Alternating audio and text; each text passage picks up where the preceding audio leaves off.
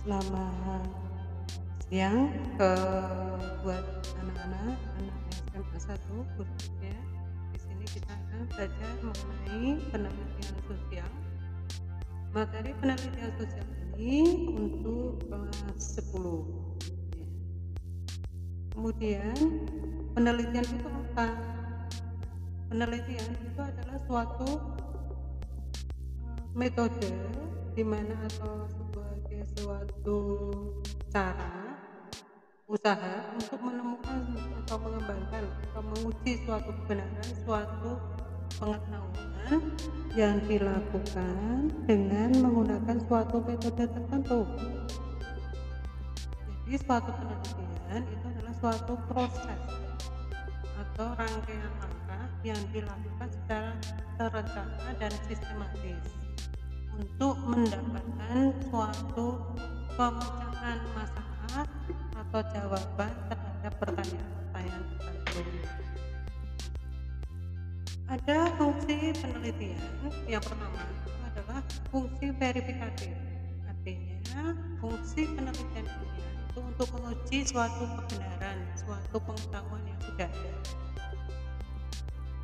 Verifikatif kata kuncinya menguji yang kedua itu adalah fungsi eksploratif.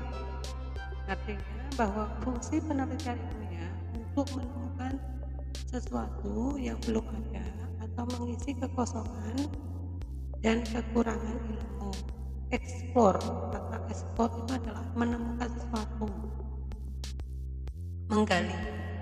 Yang ketiga, fungsi development yaitu bahwa penelitian itu berfungsi untuk mengembangkan pengetahuan yang ada.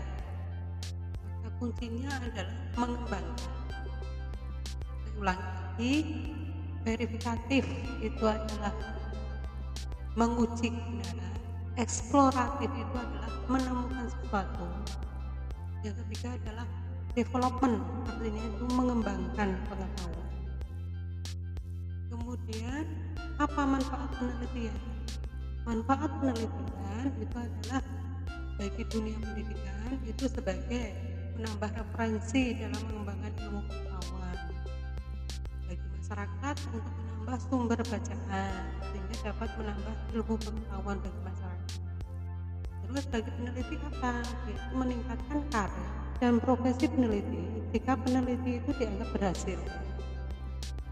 Yang keempat, bagi pemerintah itu bahwa pemerintah akan menemukan suatu kebijakan yang dianggap sesuai dengan kondisi masyarakat. Kemudian sikap-sikap apa yang harus dilakukan oleh seorang peneliti? Yang pertama itu adalah objektif. Artinya bahwa seorang peneliti itu tidak boleh memasukkan pendapat pribadi terhadap penelitian itu. Yang kedua, itu kompeten. Artinya seorang peneliti itu memang mempunyai kemampuan untuk melakukan penelitian. Yang ketiga itu adalah faktual. Seorang peneliti harus benar-benar sesuai dengan fakta yang ada bukan berdasarkan atas observasi atau harapan dan bersifat terserah.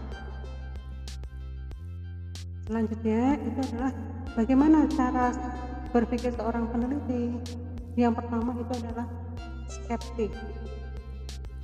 Skeptis artinya peneliti itu harus mempertanyakan bukti atau faktor yang dapat mendukung suatu pernyataan jadi buktinya mana artinya uh, dia harus uh, mencari bukti-bukti itu untuk menjawab suatu permasalahan kemudian analisis. Jadi seorang peneliti harus menganalisis suatu pernyataan atau persoalan yang dihadapi. Yang ketiga itu adalah kritis. Jadi seorang peneliti harus bersikapnya kritis. Jadi menanyakan harus menggunakan logika yang ada. Kemudian jujur peneliti harus memasukkan uh, tidak memasukkan keinginan sendiri ke dalam datanya jadi datanya tidak boleh diubah-ubah yang terakhir itu adalah terbuka seorang peneliti harus memberikan bukti penelitian dan siap menerima pendapat pihak lain tentang hasil penelitiannya Jadi hasil penelitian itu tidak boleh disembunyikan. Hasil penelitian itu harus dipublikasikan. Selanjutnya itu adalah jenis-jenis penelitian sosial. Nah, jenis-jenis penelitian sosial itu menurut pendekatannya itu sebenarnya ada dua, yaitu penelitian kualitatif dan penelitian kuantitatif. Kalau dilihat dari cara pendekatannya, kalau metode kuantitatif itu adalah menganalisis dengan dia nanti berupa angka. Judul di dalam penelitian kuantitatif itu biasanya menggunakan kata pengaruh atau hubungan hubungan X terhadap Y hubungan status sosial uh, siswa terhadap prestasi siswa. Itu adalah penelitian kuantitatif. Kalau penelitiannya kualitatif atau menggambarkan dengan kata-kata dengan deskriptif itu contohnya adalah Eh, kehidupan pengemis di jalanan. Itu adalah contoh penelitian kualitas selanjutnya jenis-jenis penelitian yang lain itu ada menurut tingkat analisis dan direncanakan itu ada penelitian deskriptif yaitu penelitian yang berupaya untuk menyajikan secara rinci. Kalau deskriptif itu baru menggambarkan saja Kemudian yang kedua, penelitian eksploratif, yaitu penelitian yang berupaya untuk mengeksplor atau menggali menggali suatu keadaan yang belum pernah diteliti. Jadi kalau deskriptif kata kuncinya itu menggambarkan. Explore itu adalah menggali. Kemudian ada lagi yang eksplanatif atau menjelaskan jadi suatu penelitian yang hanya menjelaskan misalnya faktor faktor X terhadap faktor Y menjelaskan antar hubungan. Belum menggali. Jadi saya ulangi lagi ada penelitian deskriptif eksplanatif eksploratif.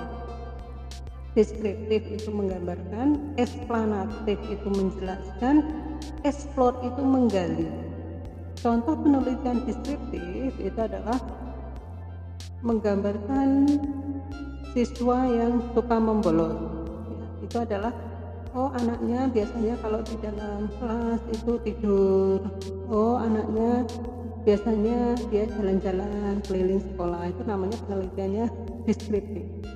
Sedangkan kalau penelitian eksplanatif itu hanya menjelaskan oh anak ini jarang masuk uh, prestasinya itu turun disebabkan karena dia ada masalah di dalam keluarga. Itu baru penelitiannya eksplanatif sedangkan kalau penelitiannya explore itu adalah penelitian yang dia menggali. Mengapa anak ini prestasinya menurun? Oh karena di dalam keluarganya uh, orang tuanya misalnya bercerai kemudian itu mempengaruhi belajarnya. Jadi mengekspor itu lebih menggali. Oke selanjutnya adalah uh, penelitian ada lagi suatu penelitian yang dilihat dari metodenya. Ada penelitian histori atau penelitian sejarah. Kemudian ada survei. Kalau survei itu adalah untuk mendapatkan suatu pendapat masyarakat ya. Misalnya dengan menyebarkan kuesioner.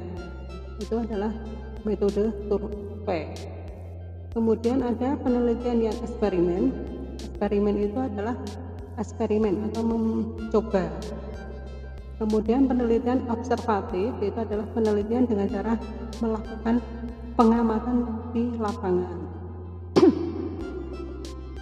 Oke itu untuk materi yang kalian bisa pelajari. Kalian bisa mempelajari di modul yang saya bagikan di halaman eh, 5 6 oke terima kasih. Saya cukupkan sekian untuk penjelasan saya. Semoga bermanfaat. Terima kasih